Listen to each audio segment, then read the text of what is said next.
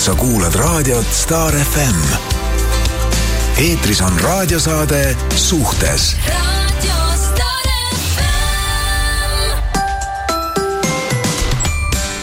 tere ilusat äh, laupäeva hommikut. Tere hommikust. Rene Puura täna on äh, kusagil laeva peal, mu meelest äh, mingil kruiisil, lõbustab inimesi. Rootsi kruiisil. Rootsi kruiisil ja, ja ikkagi tohivad mängida veel ja saavad inimesed sõita. ja seega Meril Timmer. nii tore, ma saan jälle Rene Puurat joosta mardipäev on läbi, et äh, jah, nii et äh, täna siis äh, tegelikult äh, väga sobilik teema sinule ju ka ja. ja, ja et... on, on sobilik teema ja nii tore, et me saame terve päeva inimestega täna koos olla ja meil on õhtul vestlusõhtu ka, nii et me täna nii palju räägime, et. räägime hästi palju täna. jah, õhtuks oleme väsinud, aga ma tahtsin kõigepealt, mõtlesin, et kujuta ette, kui paljudel inimestel on täna sünnipäev näiteks. Kes tähistab pulma aastapäeva, igal juhul mis iganes tähtpäev teil on, mõnel on võib-olla uues kodus üks aasta, teisel inimesel on, äh, ma ei tea, äh, tööl kaks aastat, palju õnne teile palju kõigile, kõigile., kellel on äh, millegi, millelgi põhjusel õnne soovida, siis võtke meie õnnesoovid vastu. aga tänane teema on päris raske, päris valus teema mm -hmm. ja tundub, et see läheb korda nii paljudele ja puudutab väga paljusid ja oleme saanud juba nii palju kirju ja ikka endiselt siis, kellel on sõna kaasa rääkida, siis äh, suhteliselt starfm.ee või siis kirjutage Facebooki chati ja meil on telefon ka kuuskümmend kolm, kuuskümmend kuus, kakssada ja me räägime siis täna, mis teemal? me räägime teemal isa lähedase kaotusest üle. iseenesest see on, see on äh, hea viis tegelikult, et kui, kui ei ole jõudnud veel äh, terapeudi psühholoogide juurde näiteks, kui on vaja abi või, või ei ole kellegagi rääkida, siis täna saab meile ära rääkida oma loo. ja, ja siit saab kindlasti, ma arvan, natukene tuge, tuge ka teiste kirjade näol, mis mm -hmm. teised inimesed on kogenud, eks, ja, ja kes on kuskilt abi saanud oma leinaga ja teab soovitada, kus tõesti on, on siis nii-öelda abi saadud, siis kindlasti pange see ka kirja, et, et täna ma arvan, et kirjutab meile ka neid inimesi, kes ei ole abi saanud mm. -hmm. on olemas ju kõikvõimalikud leinalaagrid ja, ja tegelikult äh, inimene oma leinaga ei jää üksi, kui ta, kui ta abi otsib. aga paraku võib lihtsalt juhtuda see, et kui sa oledki nii äh,, nii nagu vaip alt ära tõmmatud, tõmmatud sügavas augus, mustas augus, kurb, õnnetu, siis sa võib-olla ei tulegi selle peale, et sa hakkaksid abi otsima. ja tihti paljud inimesed ei ole üldse kursiski sellega, et sellistel teemadel abi saab. minu juurde vastuvõtule on ka jõudnud selliseid inimesi, kes on mõni on päris mitu aastat nii sügavas äh, augus ja just, äh, mis on põhjus? põhjus on see, et kui inimene kaotab väga lähedase inimese, siis hakkavad teised justkui eemal hoidma. Nad arvavad, et ah, jätame ta rahule, mis me torgime teda. seda ma olen küll aastaid igal pool rääkinud raadios ja teles ja igal pool, et äh, leinas inimest ei tohi jätta üksi. ja ainuke viga, mida tehakse, on see, et ei puudutata seda surmateemat. just sellest tuleb rääkida. ja ma olen, ma olen hästi nõus sinuga siin, et ähm, ei tohi jah üksi jätta, aga jäetakse üksi, sest et tihtipeale ei ole endal seda kogemust ja ei oska aidata inimest. ja ei julge, inimesed ei julge. ja ei julge ja ei oska olla toeks mm. -hmm tugi on juba see, kui sa kuulad oma lähedase või sõbra ära, see on juba väga suur tugi ja miks ei jõuta ka, ei jõuta ka nendesse kohtadesse, kus abi saab, on see, et, et ei ole seda jaksu võib-olla mm. -hmm. et siis on ka see koht, kus tegelikult lähedased ja sõbrad, märgake, kui, kui teie kõrval on inimene ikkagi, kes leinaga üldse toime ei tule, siis äh, leinateraapiad on olemas, kõikvõimalikud äh, kohad on olemas, kus abi saab ja, ja neid tuleks ikkagi suunata ja aidata, sest et ega see on ka arusaadav, et et äh, oma lähedased ei, ei saa ega oska olla psühholoogi rollis lõpmatuseni mm. -hmm. et kui ikkagi see lein juba muutub mitme aasta pikkuseks, siis on tagumine aeg. ja, ja inimesed äh, kurdavad väga palju just, et kes on olnud enne väga seltskondlikud inimesed, kellel on äh, palju sõpru ja siis nad ütlevadki, et, äh, et äh, sõbrad kaovad ära, et isegi kui tänaval näevad, siis äh, äh, tšau mm -hmm. ja, ja kuidagi nagu kiiresti minnakse mööda, et ei taheta, jah, nagu välditakse seda, et üks naine ütles mulle selle kohta, kes kaotas oma lapse ja ütles, et äh, elab väikeses kohas, et äh, ma muutusin nagu katkuhaigeks. kõik hakkasid minust eemal hoidma. ja ta, ja, ja ta ütles, et noh, samas ta mõistis ka, et inimesed ei julge või ei, äh, ei taha arvates, et et kui äkki lipsab mõni sõna üle huulte või, või mingi meenutus, et äkki see teeb haiget, aga tema ütleb, et no nii nagu ka on, leinas inimene tegelikult tahab rääkida just sellest inimesest, kelle ta kaotas. temaga tuleb sellest rääkida ja lasta tal rääkida ja küsida, sest see ongi nagu leinas äh, üks teraapiaprotsess, et sa räägid hästi palju. sa ei saa teha ju seda inimest nagu ära kaotada, aga need inimesed, kes täiesti ära blokivad mm., et äh, kõik pole olemas, olen ise ka ühte sellist näinud oma tuttava, tuttava näol, kes äh, kaotades oma poja justkui äh, keeldus leinast. keeldus leinast ja keeldus nagu noh, nagu, nagu seda poega poleks tal kunagi olnudki, täiskasvanud poega mm. -hmm. ta ja kaotas selle üldse nagu ta kaotas ära, ära ja, ja siis läks mööda kaks aastat, kui saabus krahh ta enda tervisega ja kõigega, sest siis jõudis nagu reaalsus kohale, et jesus, ma ei ole leinanud ja, ja selleni ta jõudiski läbi selle, et ta lihtsalt eh, vaimselt kukkus kokku mm. -hmm. ja sest see eitamine, see enda sisse surumine, peitmine, eh, see te tekitab tegelikult kahju. see teeb kahju jaa, sest et kui praegu jätta nii-öelda leinamata, siis see lein tuleb ühel hetkel ja, ja siis ta, ta tuleb, ta ei kao mitte kuhugi ära ja siis tuleb ta veel suurema lainena sest siis see enesesüüdistamine on, on veel kümme korda suurem mm, -hmm. et miks ma, miks ma kaotasin ära, et ma tegin sellega veel rohkem kahju mm. -hmm. et äh, need on jah, leinal on viis faasi ja need tuleb tegelikult kõik läbi teha, et ise, ise terveks jääda. Nendest faasidest me jõuame täna ka rääkida mm -hmm. kõigest, kas ma võtan alustuseks ühe kirja? jaa, võta kiri. see on nüüd natukene teistsugune kiri ja ma mõtlesin, kas ma loen selle esimese poole kirjast ette või ei loe. see puudutab minu äh, viimase viimast kahte nädalat, mis on mis on siin ajakirjandus teinud ja äh, see on meesterahva kiri ja ta kirjutab, äh, see on pikk kiri ja äh, teine pool kirjast on siis teemasse, aga ma mõtlesin, ma loen selle ette. no muidugi. Hei, ägedad saatejuhid nii, esiteks natuke teemavälist. tahaksin toetust avaldada Kirstile seoses hiljuti ilmunud Kroonika artiklitega. see on täiesti ajuvaba. kas lugupeetud ajakirjanik tõesti eeldab, et Timmer paneb keset Kristiinet enda metallitööstuse huugama ja äkki kuskile Rolfi tagaaeda veel peeglitööstuse ka tossama? see on elementaarne, et toote komponendid ostetakse odavamalt ja lõpptoote hinnas sisaldub juurde hindlus tehtud töö eest. maksud ja loomulikult ka kasum ettevõtjale. kui ajakirjanik oleks kunagigi ettevõtluse ettevõtlusega kokku puutunud, siis ta teaks, et väikeettevõtlusel polegi mingit mõtet, kui tootel on väike juurdehindlus. sel juhul peaks kogused ulatuma kümnetesse tuhandetesse, et üldse mingit kasumit toota. käsitööl ja väikeettevõtlusel peabki juurdehindlus suur olema. see on siis juba kliendi oma asi, kui palju ta mis tahes toote, eh, kui palju mis tahes toode tema jaoks väärt on. tundub, et Kirsti tooted on enda hinda väärt, sest müük läheb ju hästi. Eesti elu oleks märksa parem kõigile, kui ettevõtjaid nagu Kirsti oleks rohkem, nii et aitäh, Kirsti. ma väga tänan selle, selle kirja eest, ma üritasin ka ise seda ajakirjanikule selgeks teha, aga kahjuks ta, teda ei huvitanud see, et äh, see ei too klikke. klikke toob äh, teise inimese mustumine. see oli tore, et selline toetav. aitäh, päriselt. aitäh, jah iga ettevõtja teab, et see nii on, et äh, see on selge. nii, aga läheme nüüd teema juurde mm. -hmm. Kirjutab meesterahvas edasi meie suguvõsas lahkus kümmekond aastat tagasi väga ootamatult üks kahekümnendates tüdruk. see oli suur šokk kogu suguvõsale ja lõi eriti kõvasti ta vanemaid õdesid, vendi ja vanavanemaid tagantjärgi saab isegi öelda, et seoses tema lahkumisega jäi ta vanaema raskelt haigeks ja läks ka peaaegu, peagi lapselapsele järgi. pärast selle tüdruku lahkumist muutus kogu pere ja suguvõsa dünaamika täielikult.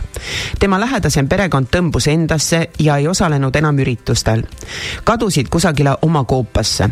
lahkunu säilmed maeti maha tahaaeda ja sellest sai justkui mingi altar temale selle tüdruku tuba nende majas on jätkuvalt puutumata, täis pilte ja muid meeneid lahkunust. tema vanemate magamistoas on elusuurused pildid lahkunust. ka elutoas ja köögis on seintel temast pildid, kusjuures need pildid ei mõju lõbusalt ja tema elu tähistavalt, vaid nendel on mingi seletamatu külm ja raske energia. kui sinna majja siseneda, siis tekib kohe väga raske tunne ja tahaks viivitamatult sealt kusagile põgeneda. majal on nii halb energia, et selle tüdruku õde ja vend enam seal käia ei taha nii need vanemad seal kahekesi üksinduses ja oma raskuses elavad. nii on juba kümme aastat ja aidata ei oska kuidagi. eestlastlik, eestlaslikult arvavad teised suguvõsa liikmed, et mis see meie asi on, kuidas me nüüd siis ütleme, et nad oma tütre leinamise lõpetama peaksid ja selle asemel keskenduma, keskenduma positiivsetele mälestustele temast. lõpetuseks küsimus Kirstile ka. kuidas suhtuda lahkunu nimelise heategevusfondi loomisesse, kas see on positiivne või pigem hinge edasiliikumist ja rahu häirida? Võtame kõigepealt selle viimase küsimuse, et ma arvan, et see fond, see on ilus. see on väga ilus. see on ilus ja ka mis puudutab pilte, siis äh, mina olen alati öelnud nendele inimestele, kes on käinud kusagil mõne nõia juures, kes on öelnud, et kõik pildid tuleb ära põletada või panna musta paberi sisse ja ma ei tea, raamatute vahele või ära peita. ei, see, me ei tohi kustutada inimest elust ära, ta ei ole meile midagi kurja teinud. kui see inimene on sinu lähedane, siis see on väga okei okay,, et sul on tema pilt kusagil ja nii edasi, aga altareid teha Vat, vat. ja tagaaeda matta mm. -hmm vot see on teine asi, et äh, mina olen ikkagi jätkuvalt seda meelt, et lahkunu koht on surnuaias, mitte merepõhjas, mitte kusagil, ma ei tea, laiali puistatuna, vaid äh, meil on selleks äh, sellised kohad, kus lahkunud maetakse, see on vana traditsioon ja, ja ikkagi on see koht, kuhu saab minna leinama, kuhu sa saadki teha, tee sinna see altar, see on okei okay., see, see on kõik nagu väga, väga okei okay.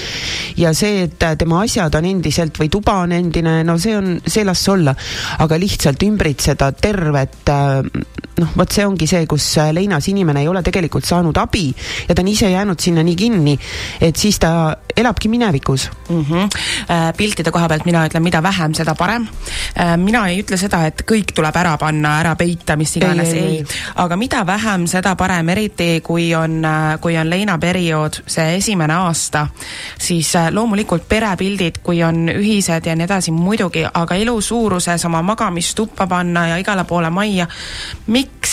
Ja, ja tuba, mis jääb, no mina ütlen, et, et kui selline aasta-kaks on möödas, siis tegelikult on, on aeg ümber teha, midagi ei ole, ei ole teha, aga noh, aeg on edasi liikuda ja, ja kui see jääb alles, siis see tuba muutub lihtsalt ühel hetkel selleks altariks. kui lein on kestnud kümme aastat, siis on ilmselgelt inimesed jäänud abist ilma ja, ja siin tegelikult noh, peakski nagu tuttavad natukene võib-olla sekkuma ja aitama kaasa, et tuua välja siis erinevaid viise, kuidas, kuidas ennast aidata ja, ja tegelikult noh, jäädagi sinna noh, altar ja kõik see on ju, et elus inimestele tuleb edasi ju keskenduda, elus lapsed olid neil ju ka mm. -hmm. et äh, loomulikult lapse surm on asi, millest tõenäoliselt ei saagi mitte kunagi üle mm. -hmm. lõplikult ei olegi võimalik sellest äh, üle saada, ühel hetkel lihtsalt see leppimine peab mingi hetk tulema, sest et muidu ongi see, et inimesed jäävad ise haigeks juba mm. -hmm. see on äh, sama nagu nende inimeste puhul, kes hoiavad urni kodus. see kodu muutubki õudseks, kuhu keegi ei taha minna. surnu ei energia taha. ei tohi olla inimese eluruumide ja elukeskkonna ümbruses.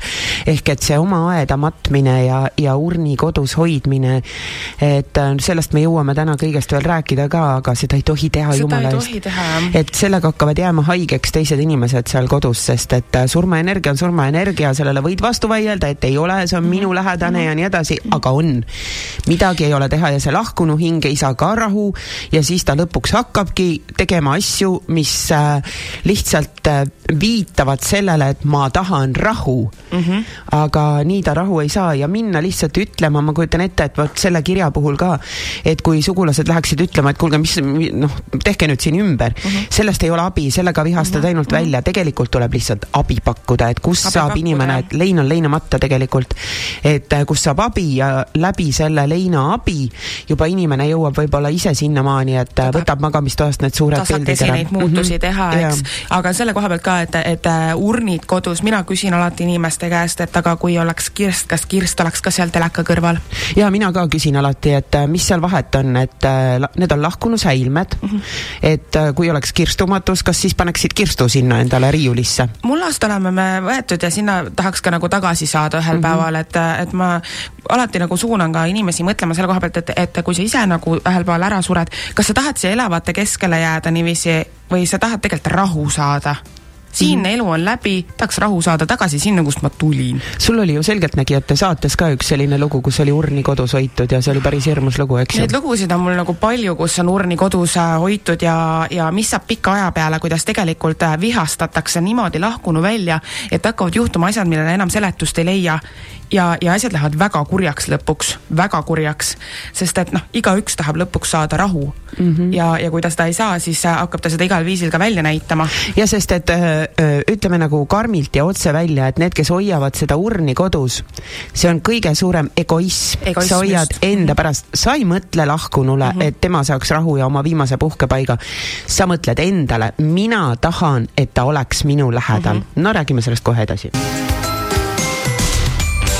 sa kuulad raadiot Star FM. eetris on raadiosaade Suhtes.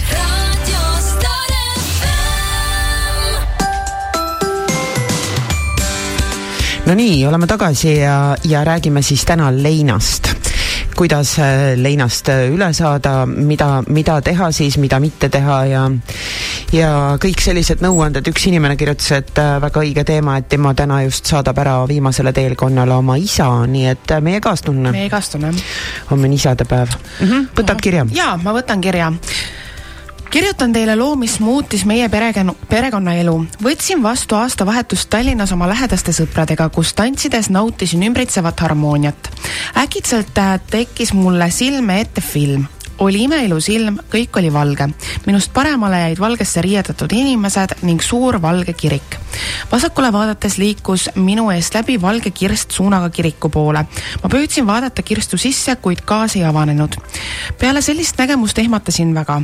mõtlesin, et helistan emale, aga kuidas ma talle ütlen sellist asja. sinna see mõte jäi ning järgmine päev suundusin koju sel aastal leppisime perega kokku, et jõulude, äh, jõulude istumine on maal jaanuari alguses. ööl enne seda pakkisin kingid ja küpsetasin kooki. und ei tulnud ka samal öösel. kogu aeg keerles mõte ümber matuste, mida nägin. sisetunne ütles, et see inimene on meie perest, aga kes? Vastu hommikut sain unega kokkuleppele ja püüdsin end välja puhata. maale pidin alles peale lõunat minema. ma ei saanudki kaua magada, kui mulle helistas õde teatega, et on juhtunud õnnetus. vend sai autoavariis surma kogu maailm kukkus kokku. see tunne on kirjeldamatu, mida antud olukord meie perega tegi. minu suur, tugev, andekas, tohutult suure südamega noor kolmekümne viie aastane vend ei ole enam meie seas. õnnetus jõudis ka lehte, kus kommentaatorid võtsid alusetult kõvasti sõna. halloo, kas te inimesed mõtlete ka üldse, mida te suust välja ajate? sellel inimesel on pere, kes leinab. ma ei kujuta ettegi, mida ema tundis või tunneb. venna minek on täielikult ema muutnud. Ilmselgelt ka kogu ülejäänud pere tänaseks kümme kuud hiljem olen enesesüüdistamise lõpetanud ja olukorraga leppinud. tean, et vend hoiab meil silma peal ning südames on ta alati olemas. ema pole sellest siiani välja tulnud ja seda on raske kõrvalt vaadata. ta sai vahepeal närvivapustuse ning kukkus kokku. ei maganud, ei söönud, ei hoolinud enam endast.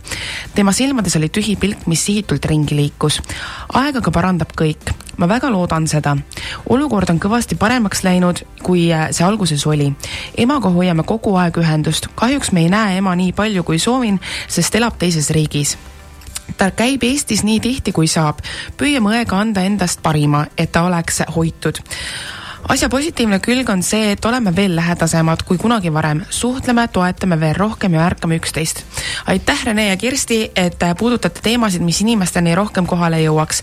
me äh,, me reaalselt ei tea mitte kunagi, millal keegi meist lahkub, olge hoolivamad ja märgake üksteist oh jesus, no mis puudutab neid netikommentaatoreid, siis äh, seda inimrämpsu, kes läheb teise valu pealt äh, endale mingit äh, ärapanemist saama seda inimrämpsu ja mina nimetan seda inimrämpsuks ja inimkõntsaks. paraku on meie seas väga palju, kes parastavad alati, kui kellelgi on midagi halvasti, kes äh, paraku on ise äh, sellises olukorras, et nende heaolu ei huvita mitte kedagi ja siis nad seda oma vaenu ja viha niimoodi välja elavadki mm. -hmm. Need inimesed, need inimesed ei mõtle mitte kunagi kellegi teise tunnete peale või või mida keegi tunneb või arvab, et äh, nende, nendel ei tasu lasta ennast mõjutada. ei tasu ja, ja neid ei tasu lugeda, neid kommentaare, mina ei loe näiteks kunagi ühtegi kommentaari, seda palju kergem on elada ausalt öeldes. sest et ega seal midagi positiivset ei ole, ole., seal on ikkagi ainult need, kelle sõna mitte kusagil mujal ei maksa, raha neil ei ole, kõik on neil kehvasti ja siis nad elavad selle ennast välja teiste kohta halvasti öeldes mm. -hmm. inimene, kes on tegus, kellel on äh, omad tegemised ja oma elu, siis äh, see ei lähe kuhugi kirjutama midagi rõvedat just, ma võtan ühe kirja veel. võta. tere, Kirsti ja Merili. esmalt ma tahaks öelda, et mul on ääretult hea meel, et ma selle saate avastasin. mul on nädal aega puhkus olnud ja olen kõik teie saated ära kuulanud. mu koer on ka õnnelik, sest tänas, tänu sellele sai ta üüratuid jalutuskäike. issand, kui tore. väga armas ju mm -hmm aga kui ma lugesin, mis teema teil sellel nädalal on, siis ma mõtlesin, et võiksin ka oma lugu jagada. ma loodan, et ma sain ikka teemast õigesti aru. mul on olnud raske lapsepõlv, mis kasvatas, mind kasvatas, mind kasvatas äh, osaliselt nartsissistlik üksikema. aga mul oli ka vanaisa, kes mind väga hoidis. ta hoidis mind, sest ka temal ei olnud isa ja eks ta ka teadis, milline mu ema on.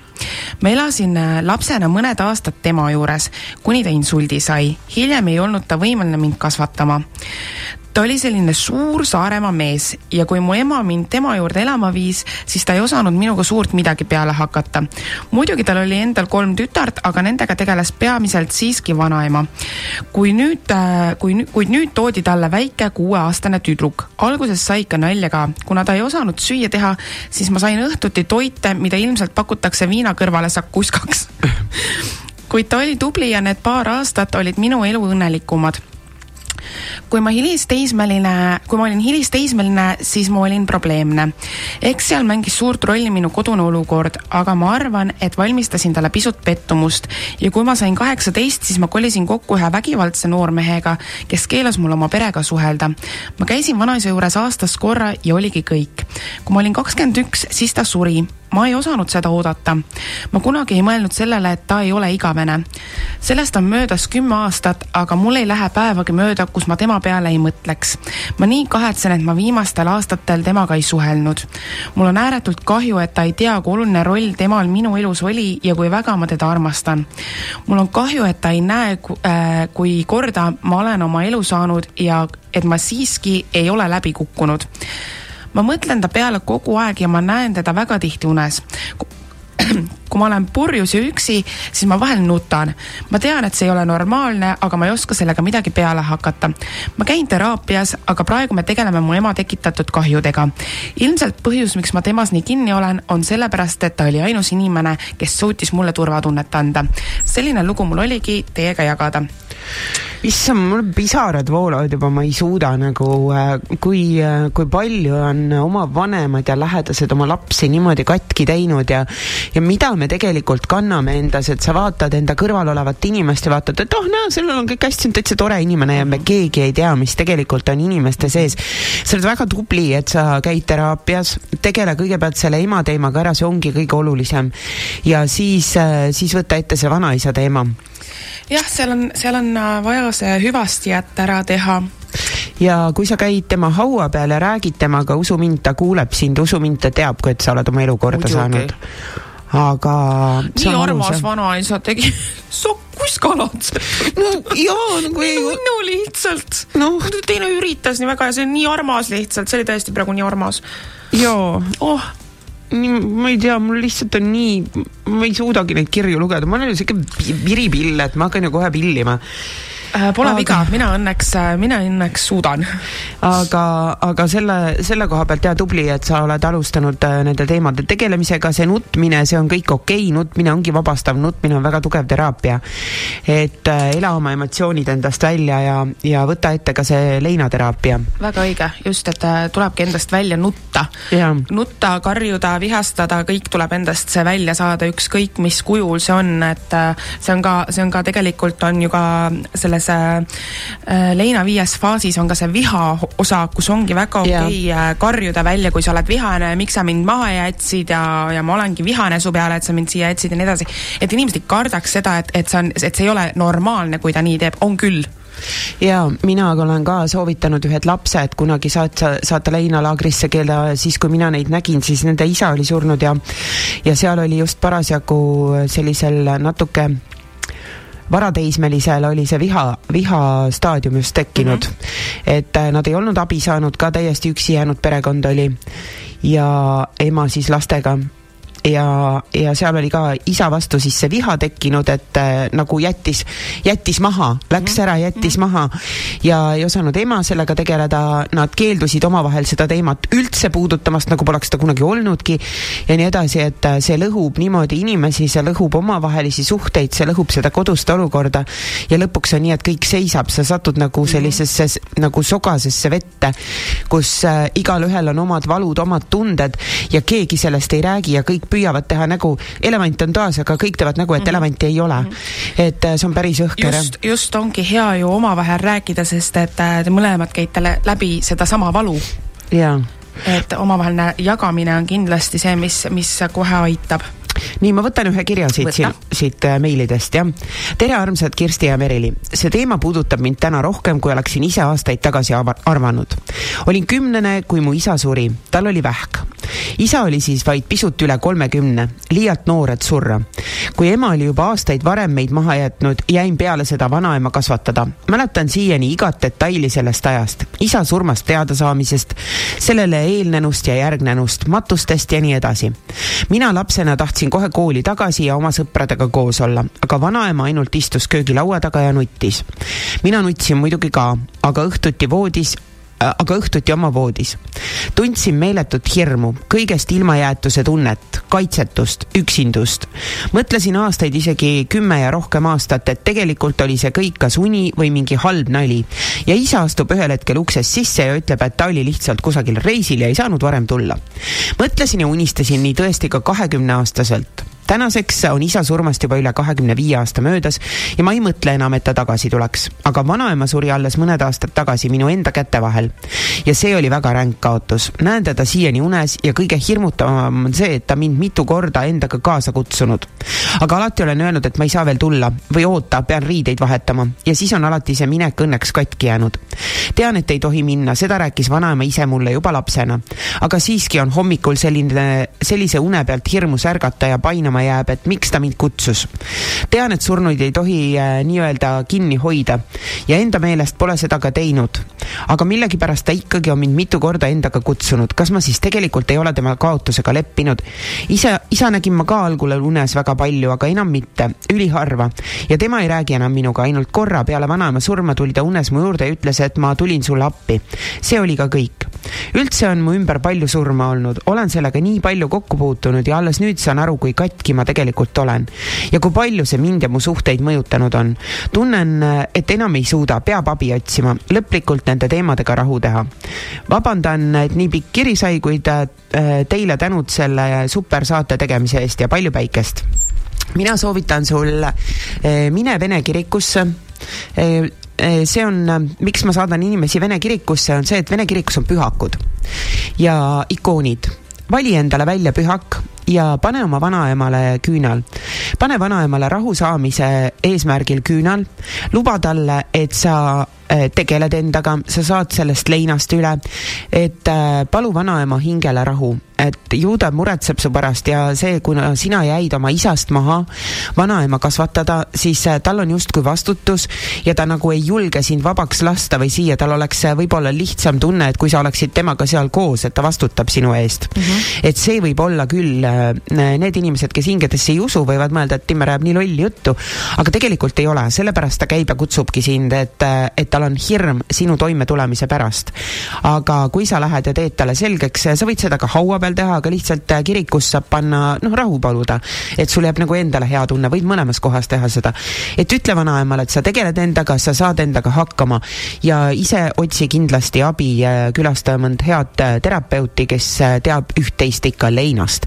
et ma soovitan just jah, leina, leina teemaga sinu puhul ka te tegeleda, et väikese lapse jaoks oli seda kõike liiga palju mm. -hmm. vot see unes nägemine minu juures käiakse hästi palju küsimas, et, et mis, mis ta tahab minust, et me rääkisime sellisel teemal ja sellisel teemal. tihtipeale on pigem see, et kui me näeme lahkunuid unes, siis mina ütlen, et see, et kui ta päriselt nüüd käis, siis järgmine hommik üldjoontes vestlust ei mäleta. midagi sulle anti, mida mm -hmm. kohe ei ole vaja mm. -hmm. küll hiljem see tuleb. Aga kui me neid vestlusi mäletame ja need on sellised kummalised ka, siis äh, üldjoontes on see see, et see on meie enda alateadvus, kes, mis igatseb seda inimest väga mm. -hmm. et, äh, et kui päriselt keegi käib, siis üldjoontes jah, hommikul seda vestlust ei mäleta, mis seal, mis seal toimus, mäletad, et nägid, ta oli, aga millest te rääkisite, ei tule meelde. ja see tuleb äh, täiesti suvalisel hetkel. täiesti suvalisel hetkel, ühel hetkel, et issand mm, -hmm. see ju mm. -hmm. Sa kuulad raadiot Star FM. eetris on raadiosaade Suhtes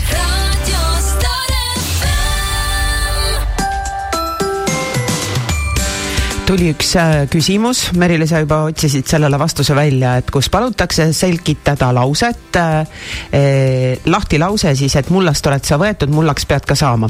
kuidas ma mullast olen võetud, vabandust, olen vist veits juhm, aga ma ei mõista seda lauset. no see lause on piiblist, kui sa ei ole piibliga tuttav. ja see on piiblist, kus siis siit välja saabki tuua selle, et ja issand jumal valmistas inimese, kes põrm on mullast ja puhus tema ninasse eluhinguse. nõnda sai inimene elavaks hingeks ja nii jõuab see põrm lõpuks ka mulda tagasi. vot nii on piiblis kirjas tere hommikust kõigile, kes alles nüüd on ärganud me räägime täna sellisel teemal nagu ei saa läheduse kaotusest lähedase. lähedase, jah, läheduse, issand, lähedase. nii, võta kiri siis, pikk kiri. jaa, mul on väga pikk kiri. tere, lugupeetud Kirsti ja Merili. lehitsesin sel hilisel öötunnil Facebooki ning märkasin tänast saate teemat. panin telefoni ära plaaniga uinuda, kuid mõtted selle teema ümber ei andnud rahu ja siin ma nüüd olen kell neli öösel arvuti taga teile kirjutamas, ohoh see on karm teema ja kahjuks mulle tundub, et seda käsitletakse liiga vähe, kuigi vajadust oleks rohkem. seega tänan selle teemavaliku eest, see on kindlasti paljudele abiks. minu lugu on järgmine. üks õhtu, mil ma olin kodus isaga kahekesi, helistasin ma emale, et kas ma võin talle töö juurde minna. sain jaatava vastuse ning teatasin isale, et lähen. ja ma mäletan eredalt oma isa lauset, jätad mu üksi ma ei mõistnud seda tollel hetkel, ma teadsin, et isal on tööl raske, kuid noore ja rumalana ei osanud ma siis seda depressiooniga kokku viia. üleüldse ma arvasin, et depressiooni pole üldse olemas. hommikul, kui emaga naasesin koju, polnud seal isa.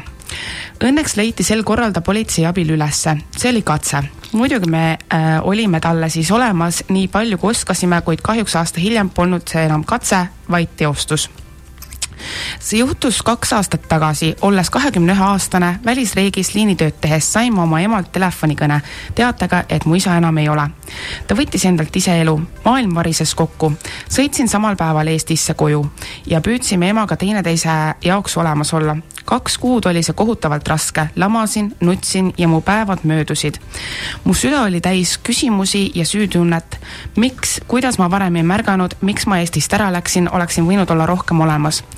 Teatasin ka oma sõpradele, sõbrannadele, et olen Eestis ja mis selle põhjus ja mis on selle põhjus äh,. ning siis ma tundsin ennast ka kohutavalt üksi, keegi minuga eriti sel raskel perioodil ei suhelnud. ma tundsin, et tahaks kuulda paari head sõna, vaid kellegagi rääkida. kuid kõik justkui hoidsid eemale jah, ma sain küll emaga rääkida, aga temal oli sama raske kui minul. hiljem rääkides sõpradega, ütlesid nemad, et nad ei osanud kuidagi olemas olla ja eeldasid, et sooviks üksi olla. ma ei süüdista neid ja saan nendest aru kuid see andis mulle mõtteainet, kuidas suhtuda inimesse, kes on lähedase kaotanud, mitte jätta teda üksi niisiis aeg läks edasi ja üritasin vaikselt voodist püsti tõusta ning asuda normaalse elu juurde tagasi. see nagu olekski näi-, näis-, näiliselt õnnestunud, leidsin kiirelt im-, mis see, kiirelt imelise töö ja korteri. aga õhtuti ja üksi olles ma nutsin kohutavalt. sealt said alguse paanikahood, millest ma algul aru ei saanud, et need asjad olemas on. ma arvasin, et lihtsalt suren ära, aga kordagi seda ei juhtunud. ma nutsin oma isa taga, paludes temalt andestust mõttes. ja siis sai alguse minu suurim hirm, hirm üksinda olemise ees. jah, seesama hirm, mis oli ka mu isal, kui ma tol äh, eelnevalt kirjutatud õhtul ära läksin ma sain aru, et ma pole, ma sain aru, et ma pean sellega tegelema, ma ei suutnud enam. kutsusin kõikvõimalik issand jumal. Kuts-, oota, ma loen edasi. oota, kutsusin kõikvõimalikul hetkel, mis pidin pärast tööd kodus olema, endale kellegi külla, kas niisama rääkima või muud sellist ja palusin inimestele ööseks jääda. see ei ole ju okei kahekümne aastase puhul. ma läksin psühholoogi juurde elus esimest korda nüüd on naerukoht. psühholoog soovitas mul võtta hotellituba ja minna sinna ja ennast korralikult välja magada. see pidi kõik probleemid lahendama, isegi tollel ajal tundus see mulle nii debiilsena, et ütlesin, et okei okay,, kui see ei toimi, siis saadan hotelliarve teile, rohkem ma teda ei külastanud. mis psühholoog see selline oli siis? ma ei kujuta ette võitlesin endiselt oma probleemiga ise, sest kaotasin igasuguse usu psühholoogidesse, asi läks hullemaks. nägin oma isa nii tihti unes ja kõik unenäod lõpevad samamoodi, surmaga. olin tõeliselt, äh, tõsiselt ummikus omadega. siis tekkis mul elukaaslane, imeline inimene ja ma tundsin, kui raske, kui raske tal minuga on, sest ma olin korralik sassipundar. aasta aega olin ma üritanud olla kuidagigi. lõpuks sattusin järjekordse paanikahooga psühhiaatri juurde ja sealt hakkas vaikselt asi ülesmäge minema näiteks sain äh, teada, et on olemas selline asi nagu leinanõustamine. lisaks sain aru, et mul on depressioon ja sain ka vastava ravi, mis on aidanud. tänaseks ma tunnen ennast vaikselt juba nagu inimene. unenäod on mul siiani alles kuid mingi loogika ütleb, et see põhju-, põhjendus on see, et ma pole oma isaga hüvasti jätnud. kui lahkus, siis tegelesin krematooriumi teemadega ja sellega kaasneva äh, paberimajandusega. see oli vaimselt kohutavalt raske. sain matusebüroos paanikahoo, ei suutnud kaardimakset teostada. isa urn on ema soovil kodus, nii et matuseprotsessi pole toimunud. mõtlesin, et kui minus on piisavalt tugevust, kirjutan talle kirja ja lähen sinna kohta, kus ta endalt elu võttis ja põletan selle kirja seal ära. ehk teeb veidi ole olemise kergemaks. üks mõte veel. mulle öeldi kunagi, et püüa leida miskit positiivset kellegi surmas. mõtlesin, et mis soovitus see veel on, kuida- äh,, kuid siis ta põhjendas, et äh, ma ju tegin välisriigis tööd, mis mulle ei meeldinud ja jutumärkides tänu isa surmale tulin ma Eestisse, leidsin töö ja toreda kaaslase. et äh, ju see oli si-, ju, jät-, Mul... ju see siis oli isa märk mulle. just, et äh, ma ei pea taluma seda. võib-olla on selles ki killuke tõetera, aga mis hinnaga? see kiri sai nüüd küll pikk, liigagi pikk, vabandan, kuid see on minu lugu. see öine tund seda kirja kirjutades muutis mul olemise kergemaks, aitäh saate teemaga inspireerimast okei okay.. nii, siin on nüüd küll äh, esiteks see psühholoog, mis asi see oli, teiseks see, et äh, seesama, et sind äh, suunati lõpuks sinna leina nõustamisse. sa oled ise tulnud väga õige mõtte peale, et kui sa oled selleks valmis, kirjuta kiri, mine loe see ette selle mm -hmm. koha peal, siis on sul justkui tunne, et sa saad isaga äh, suhelda. see teema, kuidas meesterahvad, miks teevad mehed rohkem enesetappe, on see, et mehed ongi nõrgemad nemad ja kui inimene on päriselt omadega katki, siis sellest ei saa keegi aru ja nad ei küsi ka abi siis. enesetapust räägivad ja kilkavad rohkem need inimesed, kes otsivad tähelepanu või veel viimast korda appikarjet. Aga, aga need inimesed, kes on päriselt depressioonis, ma tean, ma olen oma emaga vaielnud sel teemal, ema ütles, et mis see on tänapäeval, kõigil on depressioon ja depressioon, vanasti polnud kellelgi depressiooni. vanasti ei räägitud sellest. vanasti ei teatudki, mis asi on depressioon, lihtsalt kõik läksid ja poosid ennast üles, kui palju peale sõda ja kõik see aeg nagu mm, -hmm. inimesed järjest ainult poosid ennast üles, kogu aeg oli mingi poomine, kes läks rongi alla, kes poos ennast üles. kes läks jõkke ja nii edasi. ja nii edasi mm, -hmm. et äh, see oligi depressioon, lihtsalt siis ei teatud, et see on depressioon, ega inimesed niisama lambist ennast ei läinud pooma, eks ju. et äh, äh, seesama, sa oled väga õigel teel ja sinu puhul samamoodi, et kui sa oled selle ära teinud, oma isaga hüvasti jätnud selle koha peal, kõik oma tunded seal välja rääkinud, kirjutanud, rääkinud, pane sinna küünal Eh, kalla sinna pits konjakit ja, ja jäta temaga seal hüvasti. kui sa ise tunned, et see on see koht, ema kindlasti see urn tuleb maha matta mm, -hmm. muidu sa jäädki oma isa unes nägema mm. -hmm. see ongi see, et ta ei saa rahu, sellepärast ta käib. ta ei ole maetud, teda ei tohi hoida kodus ja see ongi see põhjus. jaa, sest et äh, kui urn jääb koju, ma ütlen, ma kordan seda veel, ühel hetkel hakkavad toimuma asjad, millele enam seletust ei leia, kus hakkavad uksed paukuma, asjad juhtuma, inimesed hakkavad haigeks jääma, tuleb tuleb matta maha, midagi ei ole teha. ja, ja see on ilus hüvasti jätmine ka, nii et äh, räägi oma emaga ja ma loodan, et äh, ma loodan, et läheb veel natukene aega ja, ja sul on lihtsam ja, ja lein jääb ikkagi, alati jääb. aga et äh, sa saad edasi elada ja see, see need paanikahood ja kogu see, see keeruline olukord, et äh, sinu jaoks laheneb? Need inimesed, kes äh, peavad tegelema siis kogu selle matuse, matuse organiseerimisega, nende lein kusjuures tuleb hiljem. sest et keegi peab alati jääma selleks tugevaks, kes äh, organiseerib ja teeb kõik asjad ära ja nende lein tuleb hiljem ja, ja neid tuleb samamoodi mõista, et ma olen kuulnud, kus on öeldud, et, et noh, ta ei leinanudki ja tal ei olnudki kurb, et ta tegi kõik asjad ära ja oli mm -hmm. kõik, on ju. et see tegelikult tuleb hiljem ja, ja neil kipub olema palju raskem, sest siis, kui teised on oma äh, leina viie faasiga juba kõvasti edasi jõudnud, siis nemad alles alustavad. et ka neile tuleb äh, tähelepanu pöörata ja nendega rääkida meil tuleb nii palju kirju mm -hmm. praegu, et see on päris jõhker, meil on üks tund läbi, et äh, kui neid kirju nüüd ikkagi nagu väga-väga palju tuleb, siis me peame ka järgmisel nädalal jätkama sama teemaga. sa kuulad raadiot Star FM. eetris on raadiosaade Suhtes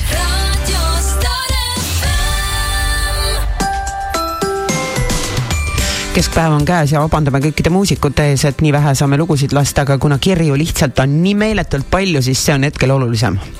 võtad kirja? ma võtan kirja inimesed muretsevad natukene, et, et me ikka anonüümselt kõike eda, ette loeks. kõik kirjad on anonüümsed, me ei ütle mitte kellegi mitte nime kellegi. mitte kunagi mm. -hmm. Mm -hmm nii, olen kaotanud kaks olulist pereliiget, üks on läbinisti minu inimene ja eeskuju kõiges. tegime palju koos, helistasime ja jutustasime pidevalt. koos saime üle igast raskusest. tema surm jättis suure augu, tegi katki ka tervise. igatsen teda iga päev üha enam, sest nii tahaks haarata telefoni ja rääkida. tean, et siis poleks vist pooli muresid ja ülemõtlemisi. möödas juba üle kümne aasta. teine oluline inimene lahkus umbes viie aasta eest ja siis lõpetati minu jaoks ära mingid asjad asjad, seosed, mille lõpuga ma pole siiani leppinud. mõtlen enda mõlema puhul, nende mõlema puhul, et kas nad teadsid, kui olulised nad mulle olid ja kui poolikuks kõik jäi. ju see on ka üks põhjus, miks ma ei taha siiani uskuda, et neid pole. paraku ei saa äh, ka ma paraku ei saa üle ka oma neljajalgsete pereliikmete minekust, sest nende armastus on nii tingimusteta ja siiras. rasketel aegadel kipun üht või teist unes nägema, väga rasketel aegadel on nad unes koos. hetkel ongi nii, et järjest on nad kõik unenäos koos ja siis tean, et pean mingi, midagi tegema, et see raske hetk ei süveneks. pidevalt räägitakse leinast, et see lahjeneb ja kaob. kuskil nägin joonist, et kaotusvalu on nagu nupp. alguses on see nupp terve ruumi suurune, igasugune igasugune olukord, muusika, nali ja muu selline meenub, meenutab lahkunut. aja jooksul see nupp kahaneb, kuid hetkel, mil miski väga lähedast meenutab, vajutab ikkagi sa-, vajutab ikkagi sama tugevalt. Öelge lähedastele, et nad on teile olulised ja siis äkki hiljem on natukenegi lihtsam. mina olen ka seda meelt alati, et äh, ma lähen täiesti närvi, kuidas, kui mõni inimene lahkub ka tuntud inimeste puhul, siis äh, kõik press kirjutab selliseid äh, järelhüüdeid, selliseid, küll oli andekas, küll oli tark, küll oli tubli, jumal, jumal, mida see inimene kõik andis. aga kui ta eluajal oli võib-olla üksi, ei meenutanud teda keegi mm, -hmm. ei kiitnud teda keegi, pigem vastupidi, siis see press peksis teda ja, ja materdas, eks ju. ja pärast on nii suur, kõik, kui me võtame siin mingeid äh, Gunnar Krapsi või kes oli viimased aastad kõik täiesti raskustes mm -hmm. oma elus. kus te siis kõik olite, et teda toetada? et äh, miks äh,, miks inimest äh, tõstetakse siis, kui ta on surnud?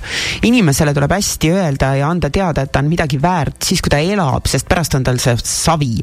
et äh, aga paraku on meil vastupidi, mina olen äh, ja. teinud alati seda, et kui inimene on mulle oluline ja tähtis, siis ma korrutan seda talle, kõik mu sõbrad teavad, kui väga ma neid armastan, mu lähedased lähedased teavad, kui väga ma neid armastan ja ma ütlen seda kogu aeg just selleks, et, äh, et nad teaksid seda oma eluajal, kui erilised nad on, kui tähtsad nad on, kui, äh, kui, kui vajalikud nad on minule ja kui õnnelik ja tänulik ma olen, et nad on minu elus. et äh, seda tuleb teha siis, kui inimesed elavad, mitte väga pärast õige. kirstu ääres. just, väga õige, mina, kusjuures mina isegi kirjutan nagu meie mingitele muusikutest tuttavatele ka, kui tuleb uus lugu või mis iganes, nii kihvt, et sa oled nii andekas mm -hmm. ülikihvt lihtsalt, et mul on hea meel ja, ja su lood teevad mu päeva ilusaks ja ägedaks, et, et tuleb öelda eluajal asju, mitte pärast. jaa nii, võtan järgmise kirja mm. -hmm. aitäh sellise valusa saate teema eest. Neil päevil kaheksateist aastat tagasi tõi elu mind maakohast pealinna, kus töö juures kohtasin, e-, kohtusin enda vanuse naisega, kes hakkas beebipuhkusele minema ja kelle mantlipärijana mind sinna tööle võetigi. ta oli alati päikeseline ja rõõmus, kuna meid ühendas ühine kodulinn, mitmed ühised huvid ja mõttemaailm said meist peaaegu kohe head sõbrad. temal oli siis kindlasti üks elu ilusamaid, minul keerukamaid aegu. aga ta soe suhtumine muutis ka minu pealinna sisseelamise, eriti just tööelu alustamise lihtsamaks. olles ise viimaseid aegu beebiootel, oli ta ikka ja alati valmis aitama ja toetama. me olime päris lähedased sõbrad, ta käis oma beebiga hiljem tei- äh,, teisegagi mind ikka töö juures vaatamas. kui laste kõrvalt aega jäi, saime ka väljaspool tööruume kokku. aastad läksid, meie eluteed läksid väga erinevates suundades, aga me olime teineteise jaoks ikka olemas. kuigi füüsiliselt elas tema vahepeal välismaal ja mina ikka Tallinnamail seda enam, head meelt valmistasid need harvad kohtumised. ta kuidagi ikka leidis aega mu jaoks, ka siis, kui äh, me peaaegu ühel ajal saime endale pojad. tema kolmanda, mina teise. ta tuli vaid mõneks päevaks Eestisse, aga leidis võimaluse oma põnniga meile katsikule tulla. nagu öeldud, me ei kohtunud tihti, aga alati, kui nägime, oli tunne, et viimati rääkisime eile viimastel aegadel kippus meie suhtlus natukene soiku jääma. ta kolis küll tagasi Eestisse, tegi oma uues kodus remonti, mina sain vahepeal beebi. suhtlesime viimati natuke vähem kui aasta tagasi. Mõtlesin ta peale mitmeid kordi, aga elutempo tõttu ei jõudnud temaga ühendust võtta. lõpuks saatsin meili, kus kirjutasin, et igatsen meie pikki jutuajamisi ja küsisin, kuidas tal läinud on. see meil tuli mul sama targalt tagasi. süda hakkas aimama halba. mõni tund hiljem sain teada vaikelu põhjuse. ta lahkus juba kevadel meie seast pärast pikka ja ränka võitlust. haigust, mida ta ei maininud kordagi. ka siis, kui ise juba võitles, ilmselgelt teadis, et tema ei võida. nii nagu kogu oma elu ei tahtnud ta ka sel lõpusirgel ennast nõrgana näidata, sest me kõik olime näinud teda alati ilusa, tugeva ja targa naisena. ma tean, et äh, ta on nüüd paremas paigas, taevas, ja nagu teab tema neljane poeg ah,, nagu tema neljane poeg ütleb. ta pääses puhkama, aga ma ei saanud aru, miks ometi võetakse meilt kuldaväärt inimesi, kel oleks veel palju anda, õpetada oma lastele ja lähedastele, võib-olla kogu maailmale jään temast alati puudust tundma, täitsa pekkis, mina hakkan nutma, ma ei saa sihukest asja lugeda. sellest kõigest on nüüd möödas kolm aastat, ma olen käinud tema haual, mis on Eesti teises otsas, temaga rääkimas ja nutmas. aga see on endiselt nii kohutav valus ja mõtlen meie ühistele aegadele pea iga päev. nii teemkahju on, mul ei olnud võimalik temaga hüvasti jätta, see vist jääbki piinama kus kohas pooleli jäid, ma korra vaatan. ei, ma lõpetasin ära. aa, sa juba lõpetasid ära mm? -hmm. Oh, no vot, see ongi see, et, et kui ei ole võimalust hüvasti jätta ja paraku äh, on tihti ka nii, et äh, äh lähedased teevad selle otsuse Mm -hmm. kellega keegi saab hüvasti jätta ja kellega ei saa. ja vot see on julm. see on julm, jah. et äh, ühelgi lähedasel ei ole õigust võtta inimese kas sõpradelt või tuttavatelt äh, võimalust temaga hüvasti jätta. täpselt, et hüvasti peab saama jätta igaüks, kes tunneb, et ta selle inimesega tahab hüvasti jätta. Et äh, see on hästi-hästi kurb jah, kui äh, lähedased otsustavad tehagi äh, niiviisi, et, et salaja, salaja ja kinniseid ja mingeid, jah inimesel on olnud läbi elu nii palju sõpru, tuttavaid äh, inimesi enda ümber, kellega, kellega on olnud erinevad eluperioodid, erinevad teemad. Ja, ja kui keegi tahab jätta hüvasti, siis tuleb neile anda see võimalus, mitte seda ära võtta. ja see on kuri, isekas ja, ja vastik. Väga-väga-väga isekas on see, et milleks, et see noh, loomulikult elavatel ongi, pereliikmetel ongi raske aga, aga veel raskem on ju, on ju, on ju ka teistel, kes ei saagi seda teha ja kes jäävadki ketrama aastateks, nemad ei saanudki hüvasti jätta. miks ei saanud hüvasti jätta, miks ei lubatud? -hmm. okei ma võtan järgmise kirja. Tere, Kirsti ja Merili. meie peres juhtus ka poolteist kuud tagasi kurb sündmus, suitsiid. kuna tegemist on alaealistega, ma väga pikalt ei tahaks kirjutada, aga hetkel on see sündmus võtnud väga ootamatu pöörde. teismeline, kes suitsiidi tegi, suhtles vahetult enne tegu minu lapsega. kahjuks on praegu suitsiidi teinud lapse pere pöördunud meie vastu ja süüdistavad minu last selles, et ta ei teinud midagi, et ta ei otsinud abi, ei teavitanud üks, üks, kahte, et teine laps seda tegema läheb. kahjuks oli enesetappu ähvardatud ka varem ja mu laps ei uskunud, et päriselt ka keegi nii teeb. hetkel ongi olukord nii keeruline, sest täiskasvanud inimesed on võtnud ette teismelise, ta eemaldati huvitegevusest ja laimatakse mind, et ma ei paku oma lapsele abi. aga laps saab erinevat abi, käib psühholoogi juures, jälgime teda kakskümmend neli seitse, väga kahju, et täiskasvanud inimesed ei tule oma leinaga toime ja ei otsi abi. üritame siin keerulises olukorras ise hakkama saada ja tegeleda oma leinaga. aitäh teile hea saate eest! oi Jesus, süüdistada Oo, last teise inim-, lapse surmas või mis asja? ei et ta ei otsinud abi. oh pagan, see on kuritegelik. see on kuritegelik. see on kuritegelik, loomulikult viha on leina teine faas, aga suunata see kellegi lapse pihta, vot see on Aa. koht, kus palun inimesed kohe, kohe teraapiasse, kohe abi otsima.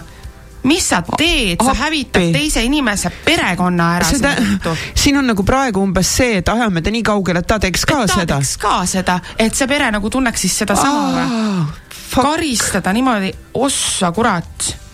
oi, ma sain praegu kurjaks. uh, vot seda teha ei tohi. Viha on üks osa, osa siis äh, leinafaasidest, see on teine faas tegelikult, kus äh, süüdistamised käivad ähm,, võib süüdistada iseennast, võib süüdistada lahkunut äh,, väga palju süüdistatakse Jumalat, miks ta ei teinud miga, midagi, kui Jumal on olemas, miks ta paneb sellised kannatused mulle, miks ta võttis mult ära minu kalli inimese, aga, aga iga asjaga jumal, kuskilt maalt tuleb natuke inimeseks jääda, natuke leida seda, seda, seda empaatiat ka enda seest. Teine laps ei ole süüdi selles mitte kunagi. kui inimene on otsustanud teha enesetapu ja ta ikkagi nagu on päriselt seda mõelnud, siis sa võid teda päästa ükskõik kui palju kordi. aga ee, lõpuks ta teeb selle ikkagi ära. aga kui inimene otsib abi, siis äh, midagi ei ole teha, kui vahel otsid abi valest kohast, siis jääb see abi saamata. et äh, teine laps ei ole abi mil- miks see laps ei öelnud oma vanematele, siin on nagu praegu see koht, miks laps ei usaldanud oma vanemaid, et rääkida. et rääkida, et ta tegelikult on katki ja, ja ta Just. on paha. ja see ongi see asi, mis paneb praegu vanemate oma süütunne mm, -hmm. mille nad elavad välja vihana teise lapse vastu, aga tegelikult on probleem vanematel endal, sellepärast et äh, nende laps ei usaldanud ei seda. ja nad ei märganud seda ja nüüd on vaja kellestki teha süüdlane ja minnakse lapse kallale. täiesti jõhker, täiesti lubamatu. siin tuleb minna peegli ette ja vaadata endale silma, mina olen süüdi, see oli minu laps. Ja aktsepteerida seda, et, et äh, ühel hetkel tuleb ka see aktsepteerimine, et ma, ma võib-olla olingi süüdi. Oh Bože, ma ei, ma ei tea, sa pead võtma õigusabi selles osas ja, ja otsima kaitset, et ära lase lihtsalt tampida, et sina nüüd käid lapsega psühholoogi juures. otsi õigusabi selles osas, sest et praegu tehakse kurja sinu lapsele. Ja see on kuritegelik ja sellel on tagajärjed niimoodi, et äh, hästi palju omaenda lapsega nüüd äh, suhelda kogu Jaa, aeg, sellel teemal ka, ka rääkida, et, et äh, kuidas laps ennast tunneb, mis seal toimub, kas ta tunneb ennast süüdi, kas ta ei tunne ennast süüdi, mismoodi laps sellesse kõigesse ja kui niimoodi rünnatakse, siis tuleb võtta õigusabi, midagi ei ole teha, perekonnal on raske, nad on kaotanud oma lapse ja nii edasi, aga see ei anna neile õigust hävitada teise lapse elu. et äh, palun räägi juristidega mm. -hmm. sa kuulad raadiot Star FM. eetris on raadiosaade Suhtes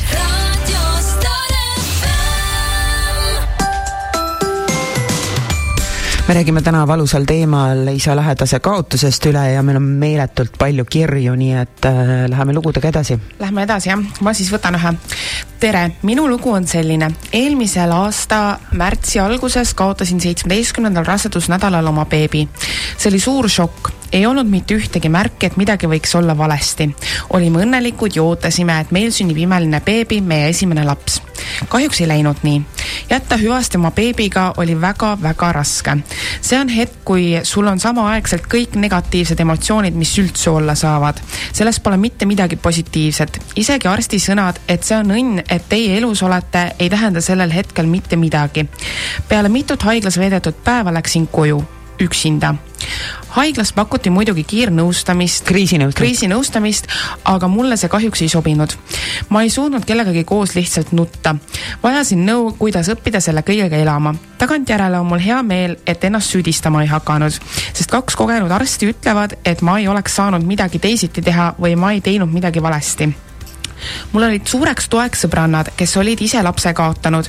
Nendega rääkimine aitas, eriti oli abi sellest, et nad rääkisid, millised erinevad etapid ma läbi käin. kuna olin ka neil, neile toeks, kui nemad oma beebit kaotasin, võin täna ise selle läbikogenuna öelda, et tegelikult ei ole seda valu võimalik mõista, kui pole seda ise kogenud.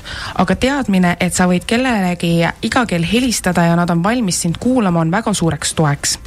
lisaks aitas jalutamine kuna kodu oli kurbust ja valu täis, aitas omaette lihtsalt mööda tänavaid kõndimine ja nutmine.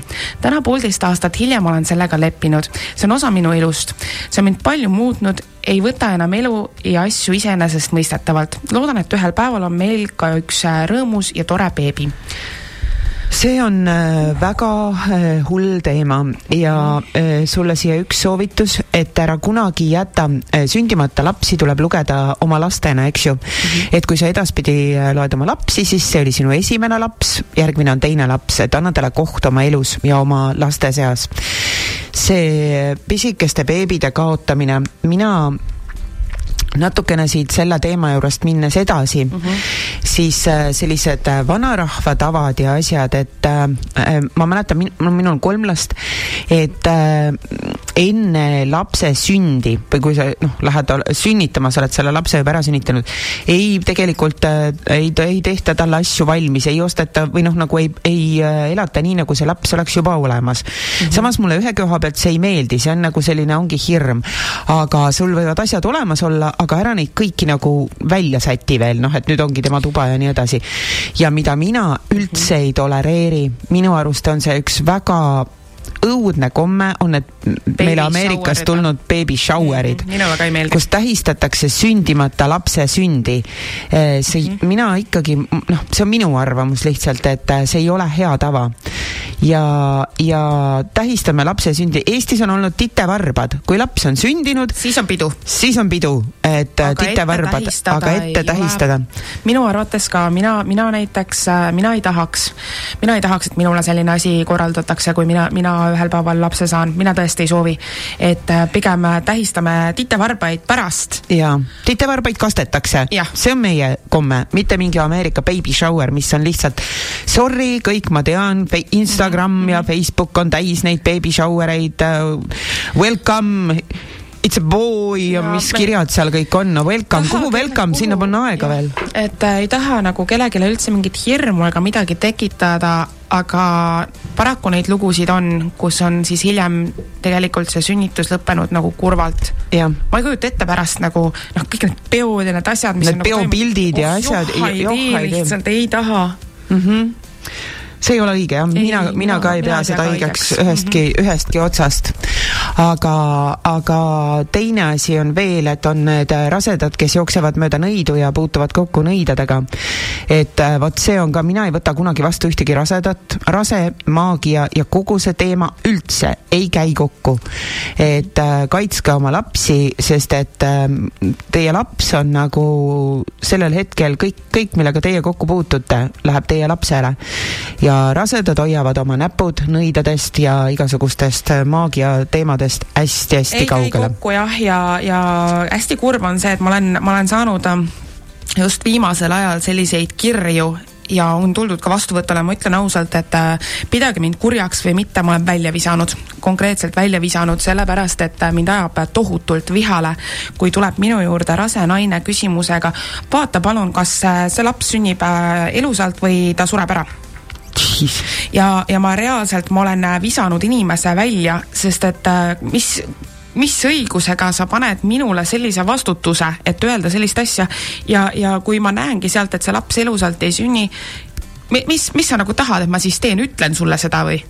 Et mis sa siis teed, lähed, lähed kohe aborti tegema või, või või siis ootad hirmus ja tapad ta kuidas saab üldse keegi, keegi saab küsida sellist asja? ma ei tea, ja seda küsitakse mult äh, päris palju ja, ja ma vastan, ma ütlen ausalt, ma vastan väga kurjalt.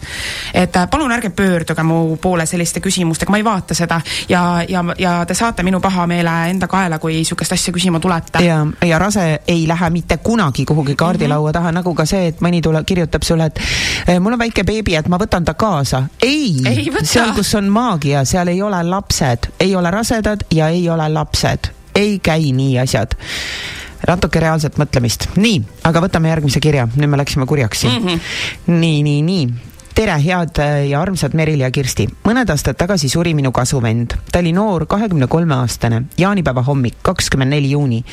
öine kõne pruudilt, kes teatas, et soovib kasuvennalt, kasuvennast lahku minna ja lapse kaotada. Ja seda põhjusel, et selgus, et tüdrukul oli enda mees olemas. vend istus rooli, rooli ja kihutas äh, circa kaksteist kilomeetrit kodust. tegi ta raske avarii. lehed olid pilte täis, lehe kommentaarium kihas, et jälle mingi bemmivend, loomulik kadu. siis algas arutelu, kas tegemist on BMW või Audiga. rääkisin sõbrannadele ka, et minu kasuvend suri, üldse olemas äh, miks on üldse ol- ah,, ah, okei okay., sõbranna ainus küsimus oli, aa, kas see oli BMW või Audi, vastasin, et BMW. siis alustas äh, muude juttudega, tõusin püsti ja lahkusin ja ainus mõte, mis peas keerles, miks on üldse olemas kommentaariumid, kus inimesed vaenavad ja siis imestame, et meil on vihane ja katkine rahvas. just, olen sama mõelnud. üks äh, eriskummaline kogemus oli mul ka seoses kasuvennaga nutsin ja mõtlesin elust ja surmast. see oli öösel, äkki kuulsin kasuvenna häält, kes oli väga kuri ja ütles kurjal häälel, äkki aitab juba, mul on niigi raske. sellest hetkest ma enam ei nutnud ja ei nutnud, kui kaotasin oma kalli sõbranna. kuidagi ei tule enam pisaraid. ma tean, et ma olin ärkvel, ma ei maganud, kuid venda kuulsin.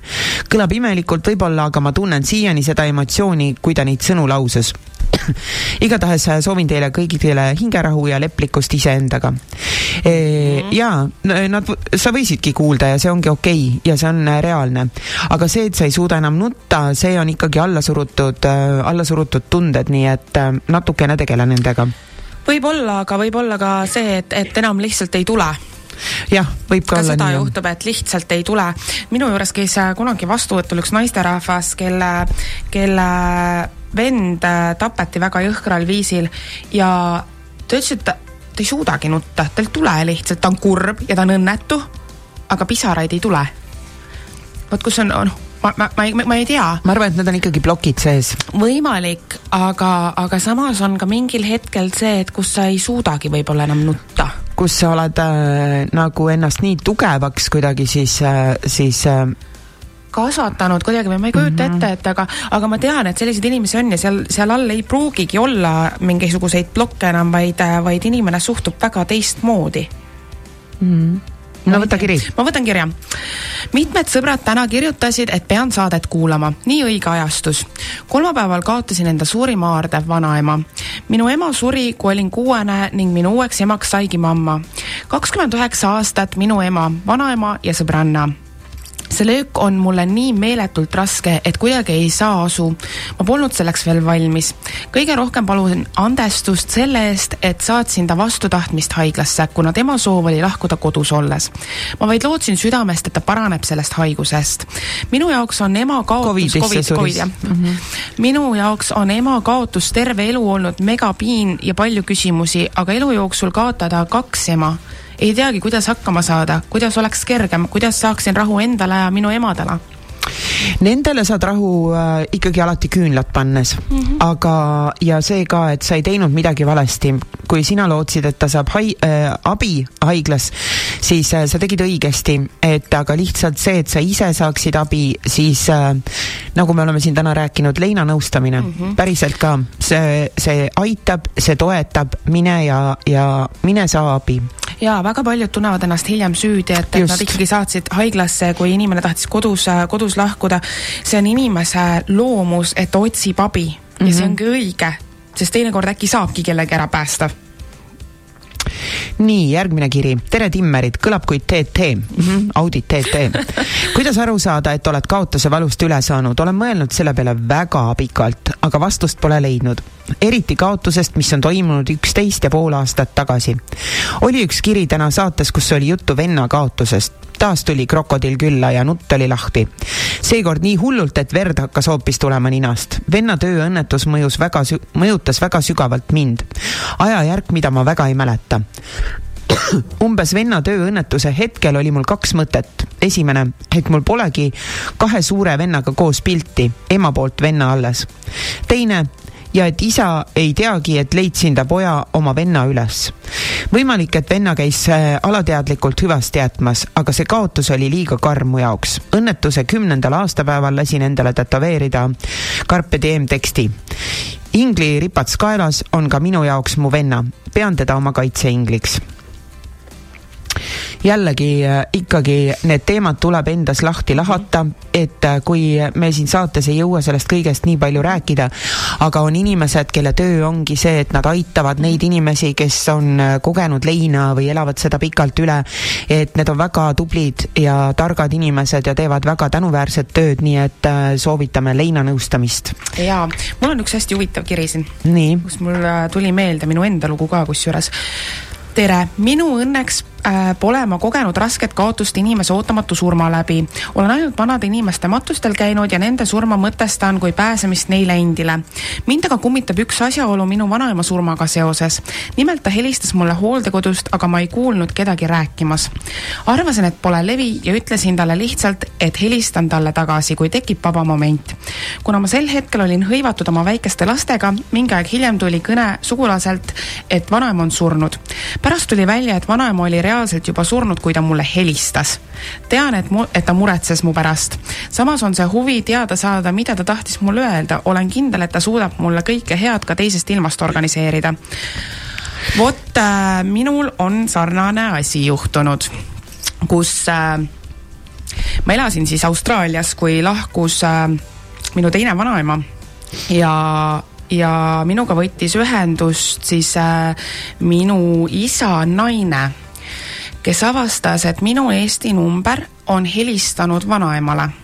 minu Eesti number ei olnud tol ajal kasutuses, see oli see kaart oli kapis. kaart oli kapis ja telefon kasutuses ei olnud ja vanaema surmapäeval ja hiljem oli minu telefon minu vanaemale helistanud. me, ma võtsin äh, Elisaga ühendust, ma küsisin selle kohta, et mis, mis mõttes, kuulge, mul on inimene surnud, kuidas, kuidas mu number saab helistada. ma arvan, et sa nagu reaalselt ei olnud talle kunagi helistanud. vist mitte et nüüd siis nagu telefon ise helistas, aga, aga see oli, see oli nii kummaline, ma ei ole tänase päevani leidnud äh, mitte mingisugust seletust sellele aga, aga mis iganes see siis oli, eks. aga samamoodi nagu siin on ju, et telefon ei helistanud, kui inimene juba oli reaalselt surnud. vot, vot mina võin öelda, et äh, noh, mõni inimene võib siin ennast, võib, võib mind segaseks pidada, aga midagi ei ole teha, minul niimoodi on. kui minul mõni tuttav inimene lahkub, siis äh, mina saan sellest teada tavaliselt äh, vahetult enne. mind justkui, kui ma magan öösel, siis mind aetakse üles, tavaliselt ähm, noh, see on juhtunud tavaliselt siis une pealt, et sind nagu raputatakse üles, nii et sa ehmatad üles ja siis ütleb selline puhta, selge diktsiooniga meeshääl mulle surmapõhjuse. ta ei ütle nime kunagi, aga ta ütleb surmapõhjuse mul oli mingi periood, kus ma nägin unes ette pool Jaa. tundi kogu aeg. ma, ma olen ka näinud, ma olen unes ette näinud, ma olen näinud äh, ma noh, muid asju, mis tulevad mulle niimoodi seda ütlema. aga see, see hääl, see on kõige hullem asi, et see ei ole hääl peas, see kõlab nagu üle toa lihtsalt. ja see on nii puhta ja selge diktsiooniga uh. nagu, nagu AK diktor, et see on võigas. ja siis sa istud seal voodi peal ja mõtled, ma ei taha, ma ei taha, ei ole, ei ole, nii umbes seda ei olnud, ma kujutasin ette, ma kujutasin ette ja siis ootad seda telefonikõne või teadet ja see tuleb mm -hmm. alati. sa kuulad raadiot Star FM. eetris on raadiosaade Suhtes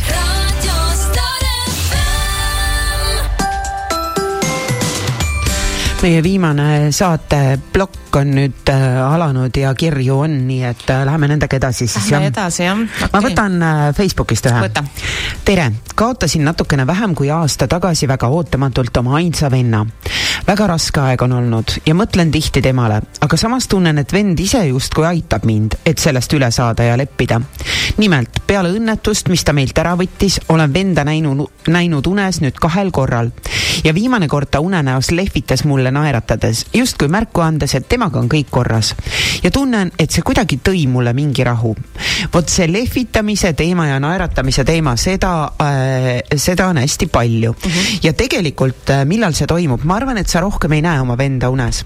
see toimub siis, kui, see on viimane hüvasti, et jaa, tegelikult nad ikkagi üritavad meile alati kuidagi märku anda, kuidagi öelda, rahustada, kui, kui sa näed lahkunut unes ja tal on hea tunne või sa ise, noh, sa ei ärka halva tundega, et eh, ta annab sulle märku, et temaga on kõik okei okay see lehvitamine ongi nagu hüvasti, et nüüd no, läks ta ära, hing läks ära. et äh, see peaks andma sulle rahu, ta oli naeratav, temaga oli kõik okei okay,, nii et äh, et ähm, käi meenuta teda tema haua peal, pane talle sinna küünlaid ja sa võid teada, et äh, temaga on kõik okei okay ja küll ta tuleb siia ilma uuena ükskord jälle tagasi uut kogemust omandama mm. -hmm. ma võtan järgmise ei ole hullu, kui te ei jõua minu kirja ette lugeda, aga hea on see lihtsalt südamelt ära saada, kuna tänast saadet kuulates tuleb kogu valu jälle meelde. kaotasin oma poolvenna üksteist aastat tagasi. tohutult valus oli see kaotus, seetõttu, et see tuli kui välk selgest taevast. mu vend kadus sel ööl, kui ma sain seitseteist. otsisime teda mitmeid kuid ning ma ei kaotanud hetkekski lootust, et ta endiselt elus on. paraku umbes üheksa kuud hiljem saime perega selle kurva uudise, et ta ei ole enam elavate kirjas. tänase päevani on surmapõhjus teadmata teadmata ning ma ei saa juhtunust siiani aru. kuigi me ei elanud vennaga kunagi koos ja suhtlesime väga vähe, oli tema surm minu jaoks tohutu šokk. hiljem mõtlesin, et elasin läbi tüüpilisi leinasümptome, näiteks kerge ehmumine ja paanikahood, tugev ärevus. ma ei ole siiani täielikult leppinud sellega, et teda enam siin maailmas ei ole, kannan ka oma elu lõpuni temale pühendatud tätoveeringut enda nahal oo, see teadmatusse jäämine on see, see on kõige hullem. üheksa kuud inimene, noh, kui sa ei tea, see on, see on nii jõhker, et seda ei ole võimalik mitte kellelgi mõista, kes ei ole seda läbi elanud, mina arvan nii mm. -hmm. ja see teadmatus, kõik, kõige hullem, vähemalt te saite selle teadmise lõpuks, et ähm, leidsite päris... ülesse vähemalt jah, nii. et igavesti kadunuks jäämine, vot see on, see on kurb. see on kõige hullem mm -hmm. jah võtan järgmise mm. -hmm. tere, ma olin siis viieteistkümne aastane, kui minu sõbranna sai surma. mina olin, kes tuvastas telefoni äh, teel telefoni järgi. see on äh, siiani detailidena mällu sööbinud. terve kool oli leinas, ta oli oma ema ainuke laps. umbes viis aastat hiljem nägin ühe koolivenna näos mingil põhjusel sõbrannat. Ma ihmatasin väga ära ja ütlesin talle, ära vaata mind sellise näoga. ligi kümme aastat ei suutnud äh, ma tema haual käia temast äh, rääkida. iga kord hakkasin nutma, kui tema nime mainisin ja nii edasi. Ma ei suutnud tema surmaga leppida väga pikka aega. kui ma suutsin temast rääkida lõpuks, siis sain oma emale mainida, et tänu mu surnud sõbrannale ei saanud mina samas kohas surma. auto alla jäämisest pääsesin. ma ei suutnud ligi kümme aastat leppida, et mu sõbranna sai surma sellepärast, et hakata minu kaitseingliks. aga nüüd tean ja lepin sellega, et tema aeg oli minna. tema elu oli elatud ja ise olles alles neljateistkümne aastane järgmise aasta veebruaris saab sellest kohutavast päevast kakskümmend aastat. siis, kui see kurb sündmus toimus, eh, siis ei osanud keegi abi otsida ja äh, pakkuda. see on tegelikult läbi töötamata jäänud. ilmselt selle tagajärjel on olnud lapsepõlve kodu äh, mahapõlemine ja töökaaslase surm mõjunud raskemini, sest need juhtumid on sõbranna surma ka üles tõstnud. ma olen tema surmaga leppinud, käin tema haual ja räägin iga kord, et igatsen teda. tänu temale on mul teine sünnipäev ja tean, et tema on minu kaitseingel. ilusat päeva teile! Vot sellel ajal ja nõukaajal üldse näiteks mm, noh, see on siin kakskümmend aastat, eks ju, aga nõukaajal ei räägitudki sellistest asjadest. lihtsalt äh, oligi ja nii äh,, nii oligi needsamad need järjest äh, köiega metsa minekud ja, ja loomeinimesed, kes ei tulnud toime sellega, et nad olid sunnitud mingitesse raamidesse, kus nad olla ei tahtnud ja nii edasi. see oli üks kohutav aeg ja seda de depressiooni, ma arvan, oli sel ajal isegi rohkem kui praegu. kindlasti. et äh, nüüd on lihtsalt inimesed võib-olla natukene jõhkramaks ja kurjemaks läinud, aga ma arvan, et, äh, et vahet pole mitte mingit äh, ikkagi inimese inimese hing ja, ja loomus ei muutu ajas. eks nõukaajal noh, pandi seda silti ka nagu kergelt külge, et, et kui on depressioon, siis on hull ju ja, ja teine asi oli see, et kogu aeg äh, see rahvavaenlase hirmus äh, elamine, et sinust mm, -hmm. et sa võid ükskõik millega sattuda rahvavaenlaseks või inimeste närvid olid ikka nii pingul, et ma ei tea, imetlen neid, kes, äh, kes üldse nagu peale sõda ja kuidagi siis nagu siiani on, siiani on elanud ja mõistuselt selgeks jäänud mm. -hmm. tere, naised, imeline teema, aitäh! lein minu jaoks on palju suurem teema, lahutus, töökaotus, pension, kodukaotus ja nii edasi. tore, kuigi seda ka mainite, sest staadiumid on samad, kuid sellele tavaliselt ei mõelda. tänud ja hoidke lipp ikka kõrgel. vot kui äh, lein läheb nii hulluks, et, äh, et äh, noh, tulebki lahutus ja töökaotus ja kõik sinna otsa. ei, ta praegu mõtleb seda pigem, et äh, lein on, et Aa. Aa, lein on sama, mis jah, seda küll. sellega ma olen täiesti nõus, lein, lein võib olla täiesti, kui lahku minna, siis, siis on ka samamoodi lein või töökaotus, mis iganes, eks. mina olen Et, äh, inimestele öelnud just, et pikaajalisest suhtest äh, lahkuminek on sama nagu, nagu lein. selle sa Jaa. elad samamoodi a- aasta mm -hmm. vähemalt nagu need kõik Mhm. faasid läbi, Jaa. eks ju. et äh, see ei erine ei päris erine. Tere, kaotasin oma tütre tuhat üheksasada kaheksakümmend seitse, oli tulekahju, ta oli kodus minu vennaga. varahommikul ise olin siis juba tööl, tekkis tulekahju, põhjust ei saanudki teada, aga ilmselt elektrijuhtmestikust. mõttes süüdistasin venda vahest, et miks ta jooksis kööki vett tooma tule kustutamiseks, jättis mu kaheaastase tütre voodisse. tean, tema mõte oli tuli kustutada, aga sinna tuppa ta tagasi ei saanud, sest tuli sai värsket õhku ja lahvatas põlema. vennale ma kunagi ei öelnud, et tema süü võib olla. Vaevu pääses ise eluga, oli pikalt haiglas vingumürgituse tõttu ja võimalik, et süüdistasin iseennast. rääkimine temast oli justkui tabu. hoitud te- äh, hoitud tema nime mainimisest isegi nagu poleks olnudki ja ma ei suutnud oma tütrest lahti lasta väga kaua aastaid. lõpuks istusin arvuti taha, tegin video, video oma lapsest, nendest piltidest, mis olid alles ja tema surmast. video algab ilusti, lõpeb hirmsalt. selle videoga lasin ta hinge vabaks, kuid üle tema surmast pole siiani saanud. ütlen endale, nagu videoski kirja panin, et ta oli liiga hea, et selle äh, liiga hea selle kurja maailma jaoks. issand, kui õudne oh,. kuidas, ma, ma vahel nagu mm, -hmm. mu juures käivad ju ka vastuvõtul vanemad, kes on äh, matnud oma lapsed. et see on nagu nii äh,, see on nagu nii äh, kuidagi loogika ja, ja, ja ja nagu kõikide ilma seaduste vastane, lapsed peavad Jah. matma oma vanemaid, see on normaalne. see on valus mm, -hmm. aga see on normaalne. vanemad ei pea mitte kunagi matma oma lapsi, et see on nagu, noh, see on nii mõistusevastane ja, ja mina olen näinud äh, neid vanemaid, kes siis ongi elanud äh, ainult antidepressantide najal, sinna lisandub alkohol, kõik eh, sinna juurde ja ma ei saa inimest hukka mõista, ma ei saa talle öelda, et kuule, mine nüüd sinna parane kusagil ja, ja saa terveks mm. -hmm. sest kui ma mõtlen, mille, mida see inimene on läbi elanud, siis kes olen mina, et talle üldse nagu midagi öelda. et äh, kes olen mina, et ma saan kuidagi soovitada talle, et äh, saa niimoodi terveks või jaa, loomulikult need inimesed tihti ei olegi saanud seda leinaabi ja, ja seda nõustamist ja ma olen alati öelnud, et äh, ka sedasama, et otsi abi kelleltki või suhtle nende inimestega, kes on olnud samas olukorras. netist guugeldades ikka sa leiad, ikka on mingid tugigrupid, ikka on mingid äh, kogemusnõustajad, sest tihti sellised inimesed ka õpivad kogemusnõustajateks, kes on ise selle tee läbi käinud, nagu on ka vähihaigete lastevanemate Jaa. liit, eks ole. et äh, noh, noh, on, on olemas need inimesed, kes, kes teavad, mida sa tunned ja kes äh, oskavad sind natukenegi aidata, aga see on tõsi jah, et äh, tuleb vaadata neid inimesi, kes on, kes on sama asja läbi teinud, sellepärast et sealt tuleb kõige suurem tugi, jah. jaa, sest ülejäänud inimesed ei saagi mitte kunagi mõista seda, kui nad ei ole, kui nad ei ole sedasama asja tundnud. just.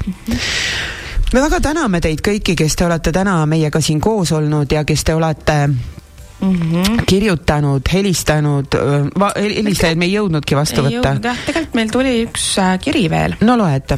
ma loen selle viimase kirja veel ette. hei, head saatejuhid teema, mida täna käsitlete, kõnetab mind väga isiklikult. olin super ja fantastilise mehe, mehega abielus kuusteist aastat. meil on kaks imearmast tütart, kümme, kümne ja viieteistaastane ja ootasin kolmandat last. kui pere pesamuna sündis, sain arstidelt nädal hiljem kurva teate, et minu mehel on vähk. algas võitlus ja lootus, et meie pereõnn ei saa olla nii üürike, kuid kahjuks nii läks. pesamuna oli üheaastane, kui armastatud abikaasa ja suurepärane laste isa suri. matustest ei mäleta ma midagi. Minu õnn oli selles, et pere tugivõrgustik oli minu jaoks olemas, kes kõik korraldas. olin alla andmas, ei tahtnud näha oma poega, kes oli oma isa moodi, süüdistasin teda kõiges, et mul oleks palju kergem, kui teda ei oleks, saaksin olla lihtsalt voodis ja ei peaks midagi tegema, sest tüdrukud olid juba suured ja said ise hakkama. nii arvasin tol hetkel. nutsin iga päev, ei suutnud tõusta. mõtlesin, et miks küll minu mees ei olnud joodik, ringitõmbaja, vastik inimene, siis ei oleks olnud minu kaotusvalu nii suur. minu teismeline tütar ütles siis kuldsed sõnad, kallis emme, siis ei oleks sul ju neid ilusaid mälestusi, mida meile ja meie pisivennale jagada.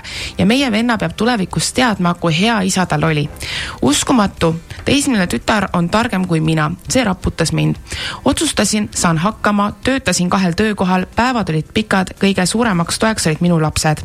Nemad ei lasknud mulle alla anda rasketel hetkedel meenutasin alati tütre öeldut ning see aitas.